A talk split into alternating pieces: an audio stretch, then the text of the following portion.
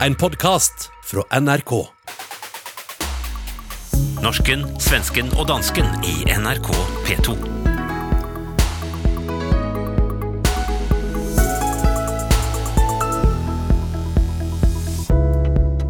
Velkommen til nok en sesjon med skandinavisk familieterapi der vi skal lufte alle problemer vi har på hjemmebane. Hva om en du virkelig var politisk uenig med flytta inn i naboleiligheten om en fascist eller en revolusjonær kommunist var i sokkelen? Sånt naboskap reagerer danskene på, viser en fersk undersøkelse. Og den skal jeg, norske Hilde Sandvik, snakke med mine naboer i Sverige og Danmark om. Og fast svenske i norsken, svensken og dansken, Åsa Linderborg, kultursjef tidligere og kommentator og samfunnsdebattant. Eh, hallo fra Stockholm. Hallo. Fast danske, Hassan Preisler, eh, som jeg kan kalle både dramatiker og forfatter og radio, tidligere radiomann osv. osv. Men altså forrige uke så sa du, Hassan, at på dette programmet ser du på som familieterapi. Og hvordan har du hatt det egentlig den siste uken? Ja, det er jo et godt spørgsmål. Ja, jamen altså, jeg, øh, jeg, ja, jeg, jeg ved ikke, om det er vinterdepressionen, der nærmer sig, men jeg synes, at jeg har været meget sort seende den seneste uge. Mm. Øh, jeg synes sådan på mange niveauer, at eksistensen er ret fortvivlende. Mm. Øhm, det ophører normalt i marts måned igen. Mm. Men, øh, men sådan har jeg det faktisk for tiden. Jeg, altså det, det, jeg synes er det mest øh, fortvivlende, jeg oplever lige nu, det er faktisk ikke øh, klimatruslen, øh, men truslen fra tidsånden, altså the zeitgeist, eller hvad, hvad, hvad det nu, jeg ved ikke, hvad hedder det på norsk jo, og svensk? Jo, man kan sige tidsånd. Tid, tidsånden. Ja. ja. Mm. Altså denne her ofte meget kollektive og brutale ensretning, der foregår, som ligesom fordømmer og udstøder alt det, der er anderledes tænkende. Mm. Øhm, jeg synes, det er meget dominerende i vores tid, og meget fortvivlende, fordi jeg er kunstner og arbejder med kunsten, som burde være det, der adresserer alt det, vi ikke kan adressere, og tager alle de besværligste diskussioner af det, der er oppe i vores samtid. Det er jo faktisk noe av det som jeg tenker at vi kan snakke om eh, i, i dette programmet, og noe av det som jeg har tenkt mye på siden sist, er at det er ganske lite rom i øyeblikket for å tenke høyt offentlig. Altså tenkingen blir liksom mer og mer privat, og med en gang du sier noe ut, så blir du litt sabla i stykker. Og eh, for, for, å stupe rett inn i det også, både du og meg, vi stupte litt inn i selvransakelse, rett og slett, etter forrige ukes program, da vi diskuterte rettssaken mellom Sissi Wallin og Fredrik Virtanen. Altså en rettssak eh, som handler om eh, troverdighet, men som rett og slett eh, går på om Fredrik Virtan er ærekrenka av at Sissi Wallin gikk ut og sa at han hadde voldtatt henne. Og hvorfor fikk du litt kalde føtter, Åsa? Eh, ja, först måste jag säga, jag håller ju helt med, med Hassan här om att vi lever i väldigt svartvita tider där det är svårt att, att tänka högt. Det är svårt att, att nyansera, det är svårt att fundera och grubbla högt utan eh, det är väldigt hårda, hårda tag och det är väldigt moraliserande tider som vi lever i. Mm. Och metoo är ju eh, typexemplet på det. Men jag fick lite kalla fötter därför att när, när jag pratar om Fredrik Virtanen i, i, i programmet så, så, så pratar jag om honom som en helt oskyldig man. Och faktum är att rent juridiskt så är han en oskyldig man. Mm. Han är oskyldig och därför så kan man inte påstå vad som helst om honom. Samtidigt så gör han själv en en ganska stor grej av i sin, eh, i sin bok om sig själv och i berättelsen om sig själv att han har levt ett svinigt liv. Och jag kan bara sig- kort Ja. in att han var, alltså han, han var känd som eh, kulturkommentator i Aftonbladet och mistade jobben på grund av eh, dessa anklagelser. Så bara Just det att ligga fast som vem han var, sant? Just det, jag pratar som om alla känner, känner till saker med Fredrik Virtanen. Men fallet Fredrik Virtanen är alltså det som, som är startskottet på metoo-revolutionen i Sverige. Och eh, han blev alltså anklagad då för att ha våldtagit en kvinna för 11 år sedan och sen så har det nu varit rättegång om grovt förtal där allt tyder på att han kommer att vinna den rättegången. Men han har blivit en symbol för dels för den rättsosäkra metoo-revolutionen hur män kan råka illa ut som inte är dömda för någonting. Men han är också en symbol för att män som beter sig väldigt illa aldrig åker dit. Så att han, han, har liksom, han bär två symboler i sig. Och, eh, och jag förstår om många kan tycka att jag låter iskall eh, som, som på något sätt vill säga att inga kvinnor någonsin har rätt som anklagar någon man. Det finns väldigt många kvinnor som har farit illa och han är definitivt inget helgon. Men här pratar vi om rättssäkerhet och pressetik. Ja, för, Och alltså, då det måste var- man hålla ja. sig till det regelverk som finns. Ja, og det var litt mitt utgangspunkt òg. Altså den der mm, Syns vi det er greit at mennesker, eh, hvis en eh, ikke når fram i rettsapparatet, så lager en sin egen eh, domstol? Eh, folkedomstol. Og én ting er at Sissi Wallin der skriver om noe hun har opplevd som veldig krenkende, og, og hun mener å skrive at hun er blitt voldtatt. En ting er henne, eh, men så skjer det da at det blir på et vis en stor mengde mennesker som heller ikke kan vite noe mer enn kanskje meg eller deg eller Hassan om hva som egentlig har skjedd. Og som mener seg veldig skråsikre, og all den skråsikkerheten er det jeg syns er enormt problematisk å forholde meg til. Og så ser en òg samtidig at en da kan risikere at en høres ut som eh, at en ikke støtter de kvinnene som opplever at de ikke når frem i rettsvesenet. sant? Det ubehager Men- de på. Mm. Må, må jeg sige noget? Mm. For, fordi jeg synes, jeg, jeg synes jo også, det er, det er interessant, Åsa, at du føler behovet for at genrejse sagen imellem os tre. Og jeg forstår dig fuldt ud. Men når jeg tænker over, hvad du sagde sidst, så sagde du det, der var rigtigt at sige. Altså, du, du kommenterede på sagen øh, meget nøgternt. Altså, øh, ikke passioneret eller øh, følelsesdedikeret, men nøgternt. Øh, og på den måde, så, så synes jeg egentlig, at du var fri. Men jeg tænker, når du så øh, føler en trang til at tage det op igen, at det må være, fordi at du også frygter, at du kan komme til at træde ved siden af. Er det rigtigt?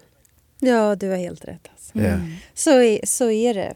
Ja. Ehm, jag var ju den första i Sverige som, som försökte diskutera vad metoo faktiskt kan innebära eh, för enskilda människor. Men också för synen på män, vad vi, har- vad vi har för syn på män och kvinnor. I Sverige så är det en uppfattning att det är bara män som kan tafsa, det är bara män som kan begå sexuella övergrepp. Det är bara män som kan bete sig illa och kvinnor är helt oskyldiga. Kvinnor kan aldrig vara manipulativa, kvinnor kan aldrig planera någonting och så vidare. och, och jag har blivit så otroligt kritiserad för det här. Alltså så otroligt kritiserad. Så det är klart att även om jag tycker att jag har rätt i sak så blir jag ju lite nervös varje gång som vi pratar om det här. Och ändå är det alltid jag som börjar prata om det också. Ja. Ja. Nei, Ja. ja. Jeg, jeg, jeg, for, jeg forstår det så godt. Altså, vi, vi har et helt aktuelt eksempel i Danmark med en kendt dansk forfatter, Christina Hagen hedder hun. Øh, hun, øh, hon vandt en stor pris, eh, som det danske akademi uddelte, en författarpris som hon mottog på Rungstedlund, Lund, Karen Bliksens gamla eh, øh, gods op i Nordsjælland. Øh, eh, och till den här prisutdelningen höll hon en tale, som var en kritik av det etablerade kunstkritikersystem, fordi hon menar systemet fasthåller oss människor i, att vi ska vara rena og hun er ikke ren. Christina Hagen har indrømmet, at hun nogle gange har racistiske tanker, at hun er sexistisk, fordi hun foretrækker store tissemænd øh, og så videre. Øh, og i sin tale, der, der øh, siger hun meget, meget smukt, det er uendeligt trist at leve i en tid, hvor det ikke accepteres, at menneskedyret ikke er rent. Mm. At mennesket ikke er ideelt, men består af det kærlige og empatien, såvel som det perverse, det gale, det ondskabsfulde, det egoistiske. En hund kan man opdrage, men mennesket er vildt og egensindigt, og deri ligger skønheden. Mm. Det er jo vakkert, og det er jo, ja, det er nydelig. Men, men, det er jo nettopp det som på mange måter har vært et skandinavisk prosjekt òg, da. Altså oppdra mennesket til å bli godt opplyst, ha de rette verdier, rette holdninger. Mm -hmm. eh, og jeg tenker på, på, noe av det, og vi kommer til å komme tilbake til det i, i denne sendingen òg, altså, men saker der det ikke er så enkelt å ha det ene rette, det andre gale. Eh, og det å anerkjenne den eh, dobbeltheten. Men nå kom en overgang eh, raskt her, og et litet lite øyeblikk så skal vi snakke om noe helt annet. Dette er Norsken, svensken og dansken i NRK P2. Vi er jo ikke bare bundet sammen gjennom naboskap, og vi er altså bundet sammen gjennom tre innavla kongehus, der alle sammen var fettere og onkler helt til det kom nytt blod. Eh, har nyheten om sjaman Durek nådd Sverige og Danmark? Har dere hørt? Ja? Nej, meget lidt. Ja, ja, nu har jeg som forberedelse læst artiklen, men jeg havde faktisk overhovedet ikke hørt om ham. Sjaman Shaman Durek har altså vært i krig med norsk presse. Eh, det, er Märtha Louise eh, sin nye kjæreste, prinsesse Märtha Louise. Og for en måned siden hørtes det ut som dette i et klipp fra Dagbladet TV. Det har storma rundt Durek Verrett etter at boka hans Spirit Hacking kom ut på engelsk for to uker siden. I natt har den selverklærte sjamanen tatt til Instagram for å uttrykke sin frustrasjon over norsk presse, som han anklager for å mobbe han. But I'm going to say something directly to the media. You have to wonder, is it because I'm with Princess of Norway? Is it because I'm a, a mel melanated man?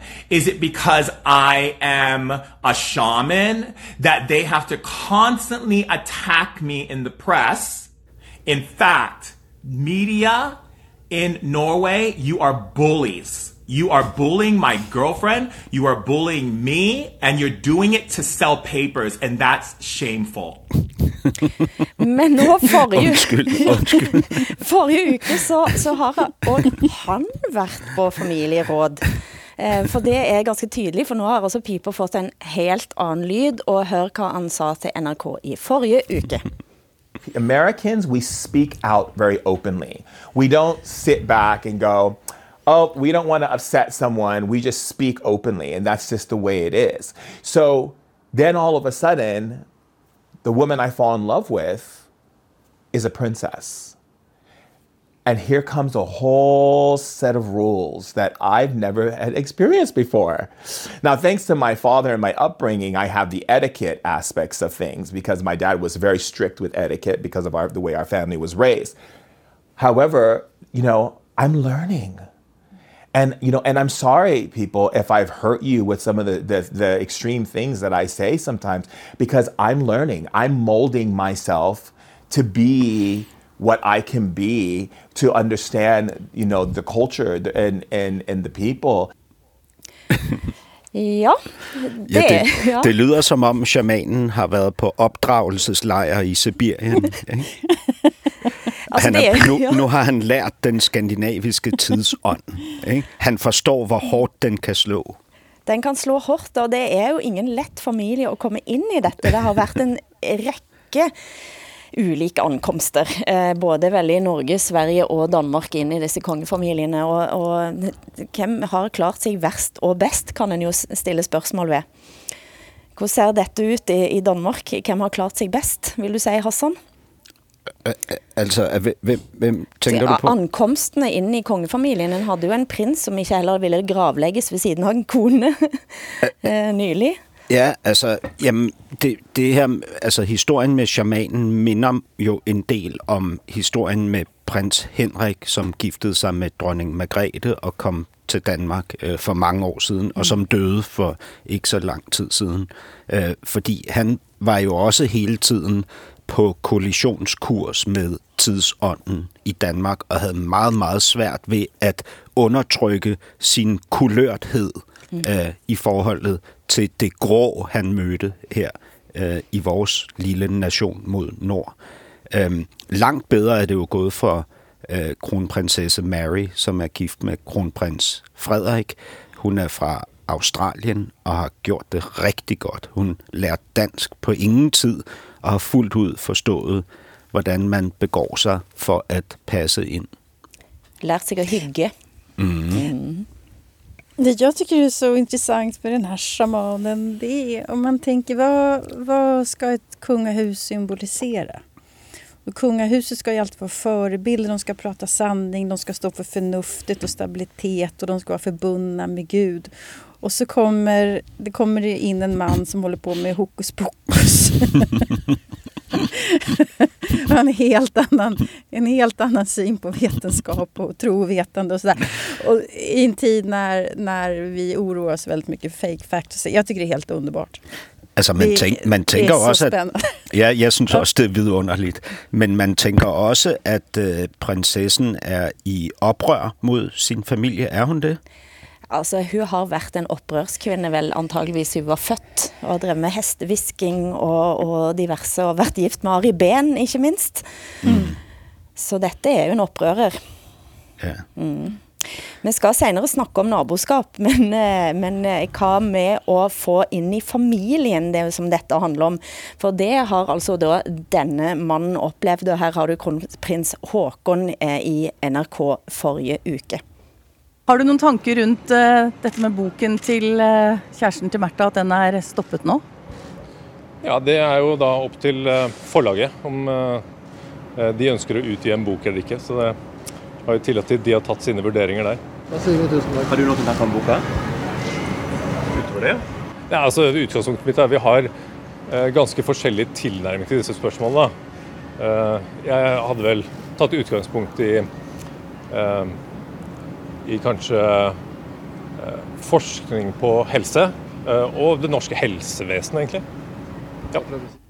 Dette var altså bo- boken til Shaman Durek som ble stoppet etter at Cappelen da måtte innse at det sto en del ting her som var i strid med hva som faktisk er tilrådelig helsemessig. Eh, vi skal senere, altså vi kommer, kjenner vi kongehuset rett, så, så er det ikke akkurat siste gang vi kommer til å snakke om det. Men det var alt for denne gang. Naboskap, Hassan. Eh, det har en diskutert i Danmark i eh, de siste uken. Hva har skjedd? Jamen, det, i din introduktion, der øh, stillede du det op som om, at det i Danmark er sådan, at man ikke vil være nabo til en ekstremt højorienteret fascist eller en ekstremt venstreorienteret øh, aktivistisk kommunist. Men det er faktisk ikke det, der er tilfældet i Danmark. Jeg måtte litt, da.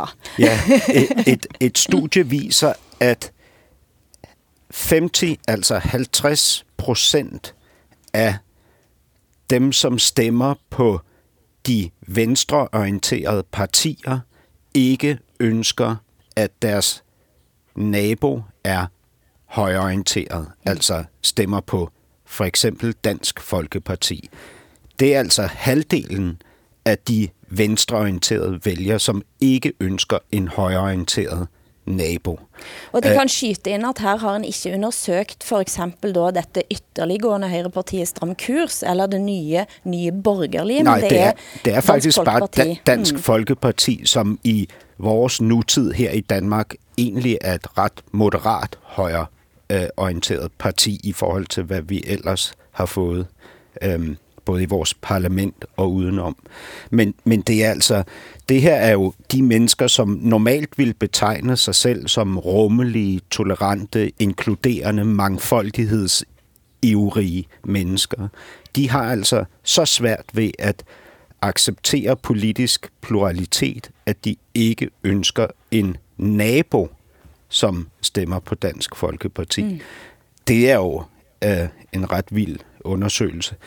Generelt set så er det sådan, det er altså ikke kun de venstreorienterede mennesker i Danmark, der har det sådan. Det er en tendens, som er bred, men altså stærkest blandt venstreorienterede. En tredjedel av dansk, de som sier de stemmer på Dansk Folkeparti, sier de ikke vil bo på siden av noen som stemmer enhetslisten. En tredjedel. Men det er jo langt derifra til nesten halvparten, da. Mm. Det er en som heter Øslem Cecik, som er sitert i eh, Kristelig Dagblad, sier at jeg mener det har vært en tendens til å tro at det er især er høyrefløyen der demoniserer. Men denne undersøkelse viser at det så sannelig også eksisterer en venstrefløy høyrefløy der demoniserer høyrefløyen. Eh, mm. Dette er en eh, diskusjon også i Sverige, Åsa, titt og ofte. Hvem demoniserer mest hvem her? Mm. Jag tyckte det där var det var en väldigt intressant uh, undersökning. Jag vet inte hur många som har svarat. Men, 1800, men, 1800 ja, så det är representativt. Ja, men jag, jag, jag, jag, tar det här på allvar helt enkelt för att jag tror att det är så här det ser ut. Och det, det ser ju det bostadsområde där jag själv bor, eh, nämligen Södermalm. Mm. Eh, där eh, går man runt bland likasinnade progressiva människor och alla tror att vi är överens. Mm. Eh, och tycker likadant och tycker att det är tryggt och så. Och sen så visar det sig ändå på valdagen att 10% hade ju mm. röstat på Sverigedemokraterna. Kan du säga vad Södermalm är för något? För, uh... Södermalm är som Grynelycka, heter det så, i, mm. i Oslo. Och vad är motsvarigheten i Danmark? Alltså det är ett gammalt arbetarområde, ett, ett kvarter konstnärer, eh, alko alkoholister och knegare, arbetare bodde förr i världen. Och mm. nu är det journalister, eh, eh, människor med ganska mycket pengar som är progressiva ah, yeah. eh, och sådär. Ja.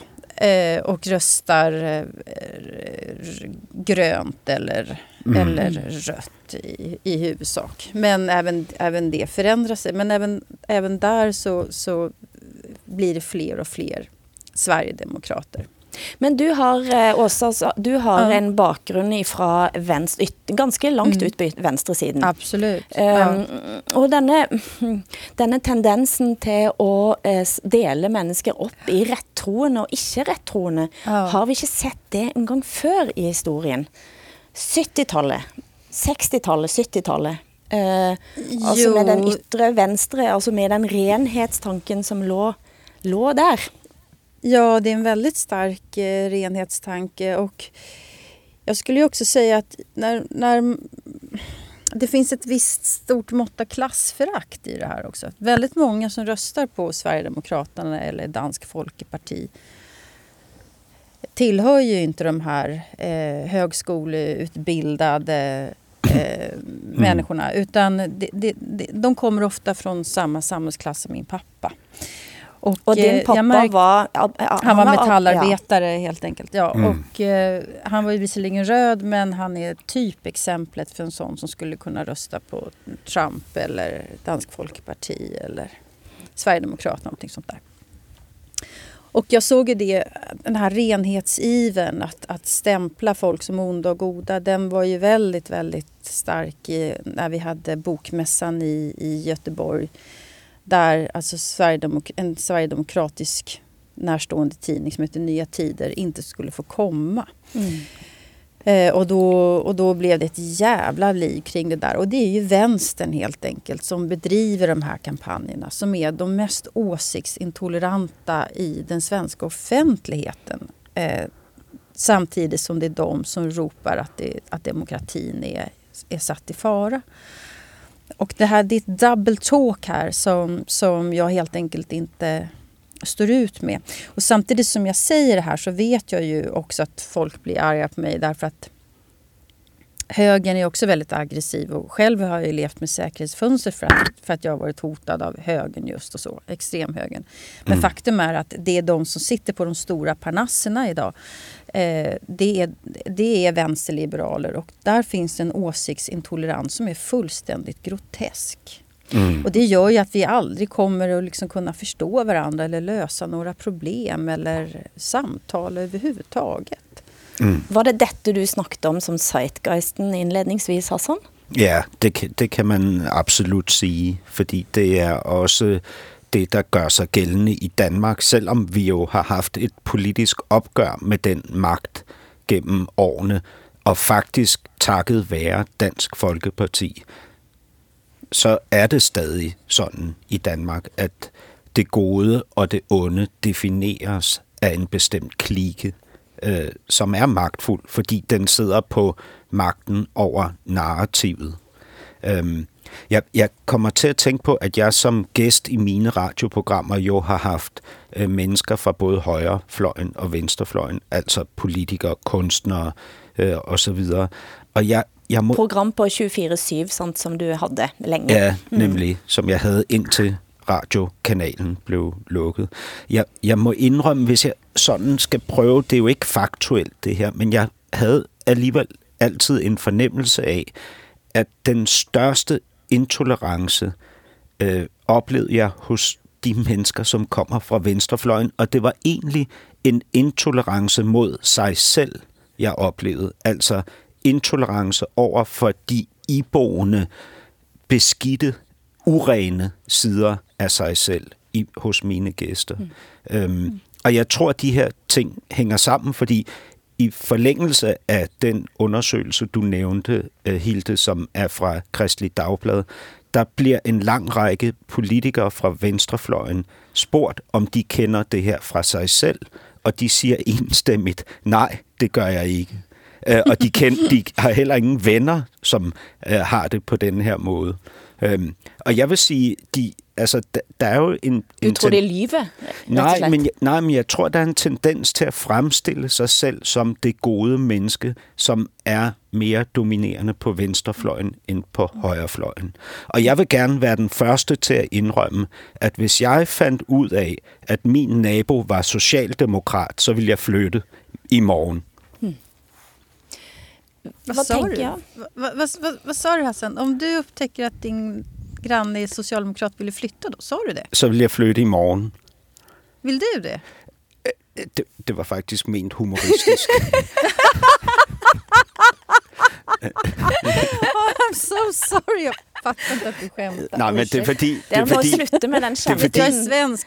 Ja, men det, det er här i fordi, Sverige. jeg, jeg piner og plager mig selv med denne her konspirationsteori om, at det er Socialdemokratiet, der har, der har lukket Radio 24 Ja, ja, ja. ja. Ja, Vi, vi er just tilbake det. til ja. Så her er vi tilbake til, eh, til den store saken. Men, men, men altså, denne, kan du prøve å forklare politisk også hvorfor dette skjer?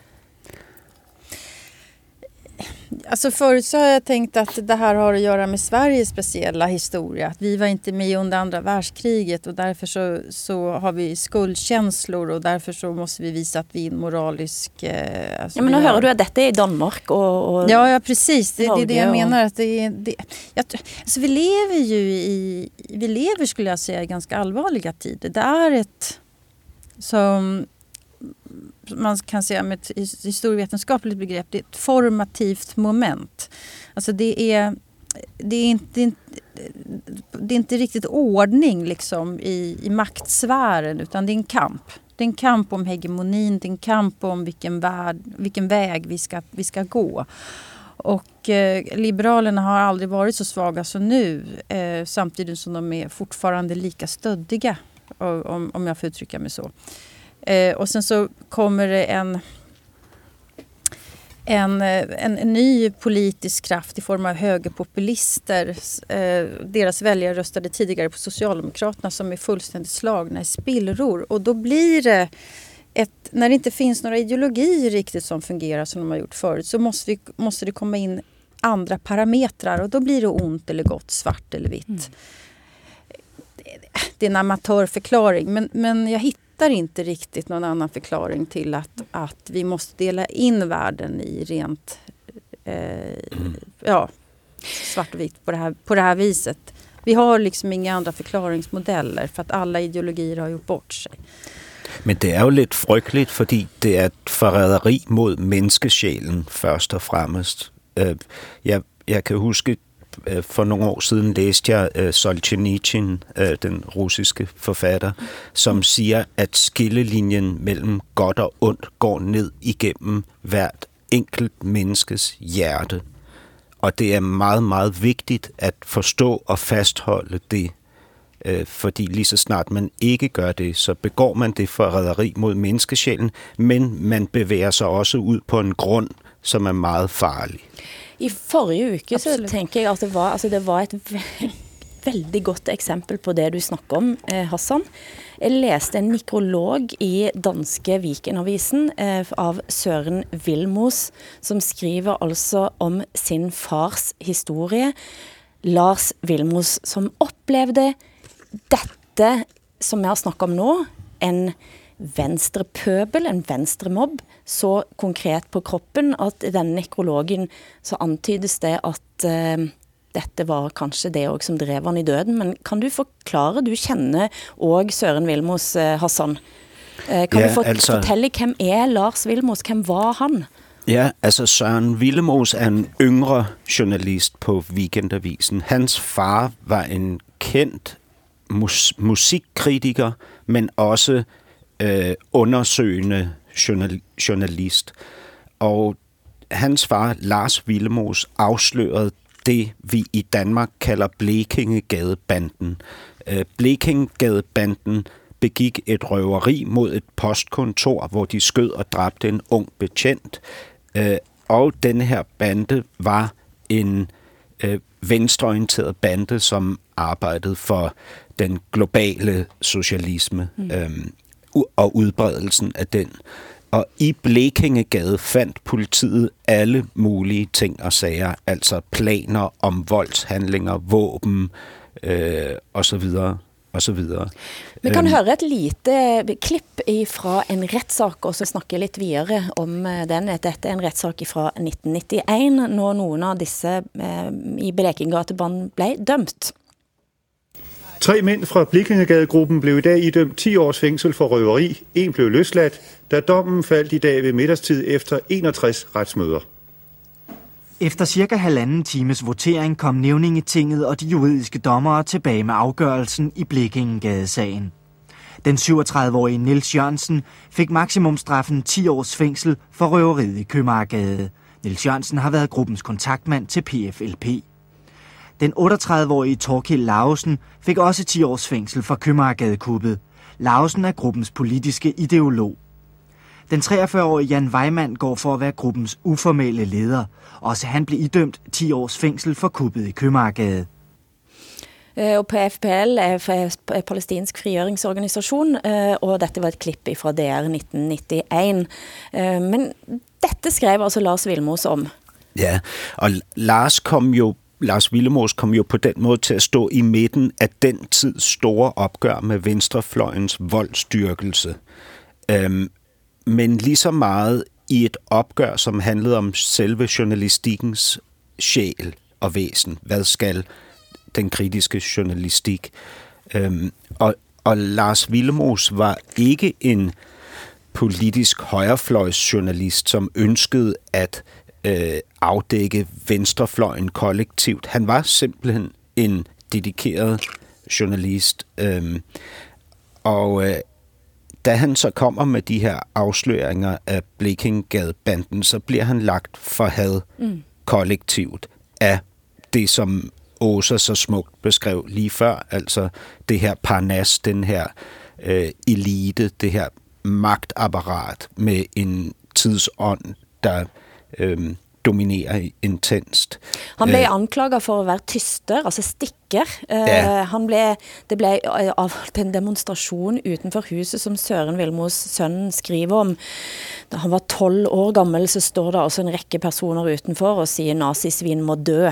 Ja, og det, Ganske stærkt for det, det en, jo, en gut. Ja, det er jo så Sørens erindring fra, han er 12 år gammel, ikke? At, at der står en en stor flok demonstranter foran hans lejlighed og råber, Villemos, din svindler, du hænger snart og dingler, altså du skal hænges. Øhm, øh, og, og han blev så mistænkt for at være Mossad-agent, for at, at, at spille en dobbeltrolle, at have, have samtaler med politiet, og at han har lavet journalistik, som er i strid med retssikkerheden osv. osv. Sidenhen så er det jo kommet frem, fordi der er blevet skrevet bøger om den her Bleking gadebande af kendte forfatter, blandt andre Peter Øvig Knudsen, øh, som så har vundet Kavling-prisen, at alt, hvad han fremlagde, var sandt mm. og var lødig journalistik, men det her men han døde ensom, han døde ja, det, med hullete klær, han døde præcis. som en ganske ødelagt mand. Ja, altså se, udstødt, ja. fordømt, ensom øh, og, og måske også fordrukken. Mm. Peter Øvik Knutsen, eh, som har skrevet prisbelønte verk om Blekingatebanden, som en vel indrømme, Åsa Linderborg, her at både du og meg satt i juryen og kåra til noe av mm. Skandinavias viktigste litteratur i 2000. Ja, hei det. Ja. ja. uh, dette er en historie som selvsagt berører og vekker mange følelser. Uh, har en den type historie også i Sverige, og, og, og det å gå etter som det eh, godeste altså Lars Vilmos her gjorde. Eh, ja, nöl, Det är ju en alldeles specifik historia det här. Jag måste också jag måste säga, jag eh, ju, har ju läst jättemycket om Blekingegadeligan som vi säger på svenska. Mm. Blekingegadebanden. Mm. Eh, eftersom jag är, har ju då ett engagemang i, eller hade i, i Palestinarörelsen Mm. om, jag ska, om, jag ska, om jag ska skämta lite med mig själv så kan jag säga... Alltså de, eller, de kapade ju flygplan. Eh, det, det tycker jag är brutala metoder. Råna en bank, det tycker jag är okej. Men man ska inte döda folk. Det det är grejt att eh, råna bank. Det är grejt att få finna ut av. jag vill bara säga detta. Men jag tror väl att det var väl bara... Det var väl faktiskt bara det sista bankrånet som det blev en, en som dog. Eh, det är lite märkligt att de hade ett sånt, sånt eh, facit. Eftersom de höll på i så många år, Blekinge eh, mm. Gadeband, att det inte blev fler skadade eller döda faktiskt. Det, det, är lite det är intressant i sig. Jag blev väldigt drabbad av eh, Sören Willemos nekrolog över sin pappa. Den är så otroligt välskriven. Och, ja, det är den. Ja. Alltså jag började nästan gråta för man ser den här pojken framför sig som, som också förstår vad hans pappa har för jobb. Han förstår ju precis eh, vad det innebär att vara journalist. Och han väljer själv att bli journalist. Mm. Eh, men sen så ser han ju också en pappa som går sönder mitt framför ögonen på honom. Jag tror man kan inte bara skylla vänsterrörelsen för det här. Utan det här är naturligtvis en man som har sina egna inre demoner som han själv medicinerar med alkohol. Det har jag själv sett. Alltså man kan, det, det var nog massa, massa skäl till att, till att eh, Lars Willemoes gick under. Men det är ett otroligt, otroligt rörande porträtt. Det är det. Mm. Det well er, det, er, altså det er noe med, med, kampen mellom godt og ondt som vi har snakket mange ganger om i dette programmet nå. Og eh, for å dra en norsk parallell. Jeg bor i Bergen. I Bergen, Da jeg kom til Bergen på 90-tallet, så var det en stor sak Eh, som alle i Bergens Tidende, der jeg var innom, snakka om hele tiden, og det var politivoldsaken. På 70-80-tallet så hadde det blitt avdekka voldelige uh, måter å håndtere eh, innsatte på hos politiet. Eh, og det var altså knytta bl.a. til to forskere, eller den ene forskeren, den andre er vel egentlig aldri forsker, men som var med, eh, Nordhus og Edvard Vogt, eh, som altså hadde undersøkt, forska og funnet fram til 360 voldsoffer for politiet.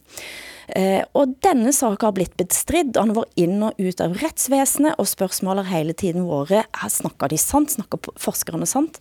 Det har nylig kommet en bok som påstår at denne forskningen var svindel, og la oss høre på dette nyhetsklippet fra forrige uke.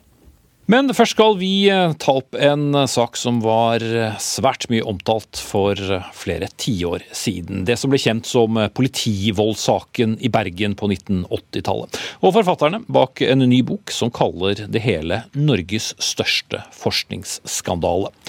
Forskere hevdet nemlig at bergenspolitiet utsatte mennesker for vold rundt 360 ganger i året. Men forfatterne konkludere med at forskningen var en bløff. Og Bjarne Kvam, du er eh, en av de tre forfatterne og har jobbet med boken i nå 30 eh, år.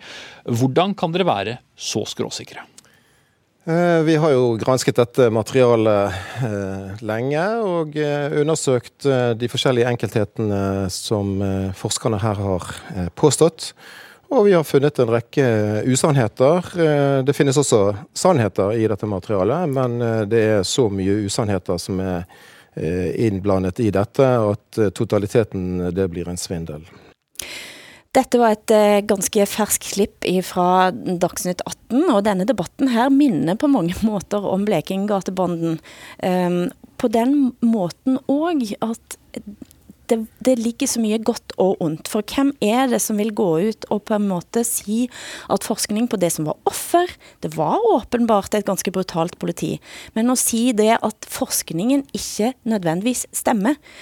Og dette dette minner igjen om denne her store diskusjonen vi har hatt hele tiden nå, om at mm, kan jeg si både det ene og det andre? Kan jeg både si at politiet var brutalt, og si at disse forskerne eh, ikke hadde helt rätt i sina konklusioner eller till och med kanske dikta upp något av det. Är det möjligt?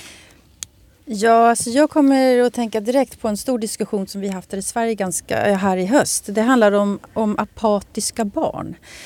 Eh, barn som alltså eh, inte åt, som, in, som låg och sov i flera år eh, och som väntade på uppehållstillstånd eller på asyl. Eh, och Eh, läkarna var helt överens eh, om att eh, de var apatiska och det, var, det här drabbade bara Sverige också. Det var något väldigt speciellt med det här. Och det är klart att de var utsatta. Och sen har det visat sig nu då att det var deras föräldrar som tvingade dem att eh, låtsas vara apatiska därför att det skulle vara en större möjlighet för familjen att få stanna i Sverige. Mm. Och här ser man ju då, det är en brutal politik som drabbar barn. Mm. Men det är också barnmisshandel och sen så har, från föräldrarna och sen så har vi då en läkarvetenskap som, som eh, inte gör vad de ska helt enkelt. Och de mm. läkare som såg igenom det här, de sa ingenting. Och här är det också en av de som har varit aktiv i denna debatten, eh, som också blir hela tiden är blivit dyttat längre och längre ut på högersidan eh, ideologisk och blir satt i ledtåg med, med ganska högre radikala krafter. Uh, så den type kamp har jeg, har jeg hørt og sett uh, i svensk offentlighet jevnlig. Vem har, ja. Känner du till detta också? Nej, så nu förstår jag inte riktigt. Vad... Nej, alltså den debatten, den debatten om apatiska barn. Ja, eh, ja, ja, ja, Där har det varit läger som har varit ute och sagt och advart. Eh, mm, men mm. som har på en måte inte blivit hört och som har blivit stämplade som högerextrema. Ja, ja, precis. Jo, det var, det var ju eh, ja, även journalister som ifrågasatte det här. Det var ju ändå en och annan som gjorde det och eh, blev då genast stämplade som, eh, som rasister eller flyktingmotståndare eller, eller sådär. Så att, eh, och det är också, ja, man, man begår övergrepp i den goda sakens namn därför att offren mm. i det här fallet är de här barnen som naturligtvis också vill bo i Sverige men som har fått hela sin barndom förstörd. Men dette med å på en måte ta både det ene synspunktet og det andre synspunktet, mm. som vi har vært innom eh, nå, altså både i disse sakene, men tidligere, hva gjør vi med det? Altså nå er, hvis vi skal virkelig gå inn i en terapisesjon her, hva gjør vi med denne eh, impulsen? Altså impulsen til hva? Til, til, å, til å stemple, eller til å på en måte si at man ikke kan både mene det ene og det andre. At det ene er rett, og det andre er feil. Det er godt, og det er ondt. Jamen det, det er jo altså det, det er jo bare svært. Altså det er jo det allersværeste. Vi, vi kender det jo fra vores parforhold, ikke? Altså at, at det er utroligt, øh, nærmest ubeskriveligt, øh, umuligt at sætte sig i den anden sted, når man er besat af sine egne følelser. Ikke? Øhm, og der, der bliver det jo, altså det, det bliver jo den anden, der bliver offeret for vores øh, stedige insisteren på, at vi har ret. Ikke? Og, og, og øh, altså det, det er også derfor, når, når, når jeg taler om det her op imod for eksempel klimadebatten, hvor, hvor jeg synes, at det her er et større problem, så er det fordi, når vi taler om menneskehedens overlevelse, at menneskeheden skal overleve, så mener jeg, at der er et andet spørgsmål, vi bør stille, før vi konkluderer, at menneske, menneskeheden bør overleve, og det er, hvorfor skal menneskeheden overleve? Mm. Altså, hvis vi har offret alle principper alene for overlevelsens skyld, ikke? hvis vi er villige til at, at, øh, at marchere i takt, at begå uh, store forbrydelser mod uh, de anderledes tænkende osv., så, så er det vel, vel ikke en, en um, hvad kan man sige, en, en klan, der, der har fortjent at overleve. Altså, vi bliver jo mm. nødt til at insistere på, på, på det, altså det, det ultrahumanistiske, før vi øh, insisterer på, at vi skal være her. Altså, det, det er radikalt at sige, at jeg er for paranoia lige nu, kan jeg mærke. jeg, jeg sitter helt stille. Nej, men alltså, det måste alltid finnas människor som säger emot eh, det. För träningen eh, måste, sanningen måste ju alltid tränas. Mm. Eh, vi som är så övertygade om, om att vi har rätt, eh, vi måste ändå alltid träna våra argument. Det, det är så. Men jag, jag tänker att det är en sak eh, att man som som en vanlig person då har, eller, eller, eller i, i ett parförhållande tycker att man vet vad som är rätt och fel. Så det är någonting annat när journalister och forskare mm. inte riktigt vågar vara nyanserade. Men jag har ändå sett med, med, med tillfredsställelse på en diskussion som vi har i Sverige nu, nämligen eh, eh, könskorrigeringar och transpersoner. Vad kan man göra med ett barns kropp? Eh, när det gäller att byta kön. Och här, här ser vi ju då att att eh, det har varit en stark politisk opinion att det här ska man få göra innan man ens har fyllt 18 år. Man behöver inte ha föräldrarnas samtycke om man vill byta kön. Eh, samtidigt som läkarvetenskapen faktiskt inte vet någonting om det här. Och där ser vi nu att, att eh, journalister faktiskt vågar undersöka den här frågan och, eh, och det har fått politiska konsekvenser där man eh, eh, river upp beslut eller där man funderar i alla fall på att, att inte fatta beslut eh, eh som gör att att eh, barn går in i operationer som faktiskt inte går att göra någonting åt sen. Och det har gått ganska fort i Sverige och det, det, mm. det, tror jag inte skulle ha skett tidigare. Men, men här ser jag i alla fall ändå en öppning. Att vi, att jag tror att de här diskussionerna om de apatiska flyktingbarnen eh, faktiskt visar att det finns en flockmentalitet som kan skada, som kan skada människor. Detta är Norsken, svensken och dansken i NRK P2.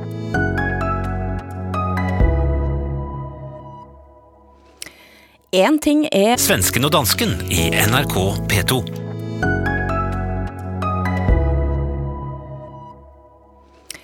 En ting er når vi ikke nesten klarer å snakke hverken med familie eller med en nabo, men hva om det bryter inn noen helt andre, eh, og ikke og vil sette oss i en eh, diplomatisk fryseboks, som det svenskene nå har opplevd med Kina.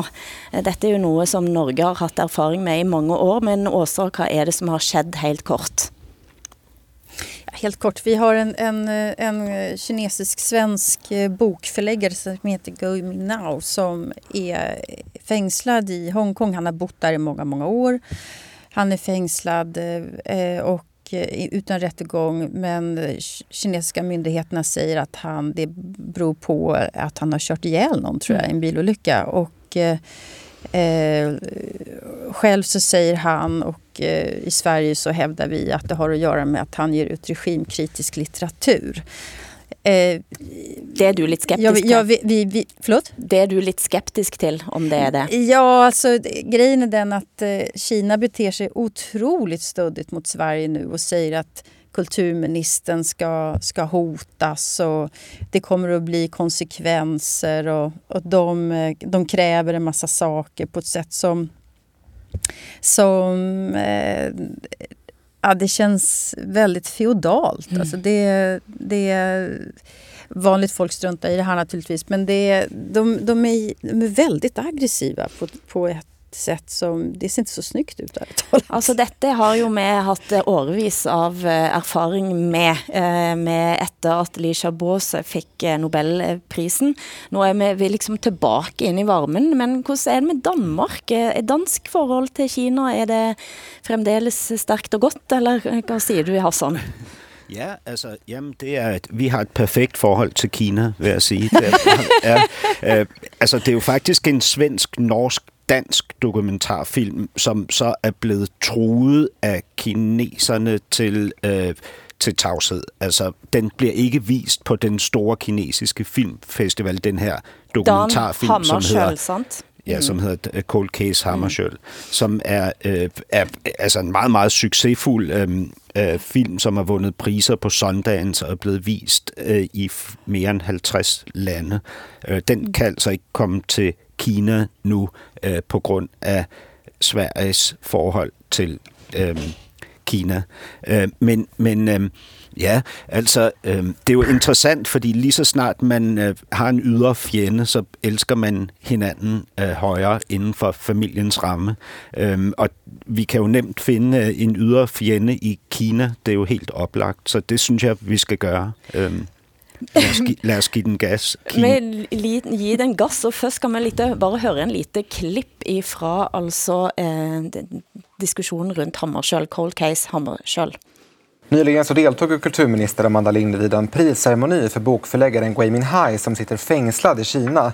Och det här retade upp Kinas ambassadör här i Sverige. Han sa att det här kan försvåra kulturutbytet mellan länderna. Vi söker såklart Kinas ambassad för en kommentar och har inte fått det än. Men så här säger filmens svenska producent om att den stoppas i Kina. Det visar ju att Kina inte är ett demokratiskt land. Och att man då på det här sättet eh, inför censur emot filmer är ju oerhört tråkigt. Det är ju också tråkigt för den kinesiska publiken. Alltså, vi tycker att det här borde vara en viktig historia även för dem. Att det är viktigt att förstå vad som hände med FNs generalsekreterare. Det här är ett slag mot yttrandefriheten som vi måste försöka stå upp emot.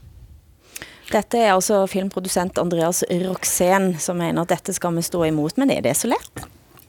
Må, jeg lige sige, altså de- den her film, øh, man skal lige være klar over, at filmen handler slet ikke om Kina. Der er ikke nogen Kina-kritik indbygget i filmen. Så det, det er jo ikke... Det er det svenske. Du ler også. Ja, nej, jag vet inte. Det, Men- Jag tycker det är, så, det är så onödiga konflikter som Kina håller på med. Det är så barnsligt. Ja, men, men ja, altså jeg, jeg burde jo ikke fortælle jer to om det danske trick. Altså vi har jo et trick her i Danmark til at holde os på god fod med Kina. Øhm, det handler jo om Tibet. Altså det I skal gøre i Norge og Sverige, det er det samme som vi har gjort i Danmark. Det er, når den kinesiske øh, pr- præsident er på besøg i jeres lande, så sørger I for, at alle Tibet-demonstrationer bliver undertrykt, og alt Kina-kritisk graffiti bliver malet over. Det har vi gjort i Danmark, og derfor har vi så stor succes med vores forhold til Kina. Eh, det er mulig. Jeg prøvde å undersøke litt eh, med mine kilder i UD i dag for å prøve å finne ut hva var det vi egentlig gjorde for å komme oss ut av denne fryseboksen. Og der blir det jo sagt som på UD-vis at de som snakker vet ikke, og de som ikke vet snakker. Eh, At hele, hele saken ble beho- holdt ganske tett inntil brystet. Men jeg husker det vakte ganske stor oppmerksomhet av Trond Giske, som da var næringsminister for Arbeiderpartiet, lot sin stol stå tom eh, da Nobelprisen skulle deles ut. Og diskusjonen handla jo selvsagt om Viste det eh, en svakhet, eller viste det en eh, diplomatisk styrke? Men det är ju också, det- det är så mycket symbolpolitik hela tiden. Handeln mellan våra länder och Kina pågår ju hela tiden. Och, så liksom, banden är ju superstarka där ändå. Så det är typen- kulturproduksjon, altså film, Ja, sant? Mm. ja, det är... Ja. Men, men Alltså handlar om vi är upprörda över att Kina är en diktatur, det är ju jag. Men, men vi håller ändå på och handlar med dem. Det är något dumt i det här. Så. Ja, ja, det handler jo om, dybest set, så handler det her jo om én ting, og det er penge. Mm. Øhm, Ja. det, er jo, det er jo tydeligt. Altså, det, vi, vi fik jo i Danmark nedsat en Tibet-kommission, som skulle øh, få kuglegravet den her sag med den socialdemokratiske regering, som øh, undertrykte en øh, Tibet, øh, angiveligt undertrykte en Tibet-demonstration. Det var politiet, der gjorde det, men mistanken rettede sig jo selvfølgelig mod udenrigsministeren, som var som jeg nævnte før, socialdemokrat. men, men, Nok, men, nok en uke på sjeselongen nærmer seg nå slutten. Vi har vært litt depressive og litt eksistensielle i dag og, og snakket om godt og ondt og godt i oss selv. Og hvordan syns, eh, syns du det har gått, Åsa? Förlåt? Hvordan syns du selv det har gått? Sitter du, Jaha. går du ut med en god følelse? Jag tycker jag har pratat för mycket som vanligt. Nå, det er sjovt. Jeg, jeg har det på samme måde. Jeg synes også, jeg taler for meget. Og Nej, du pratar aldrig för mycket Hassan. Nå, i lige måde, sådan har jeg det også med dig, Åsa.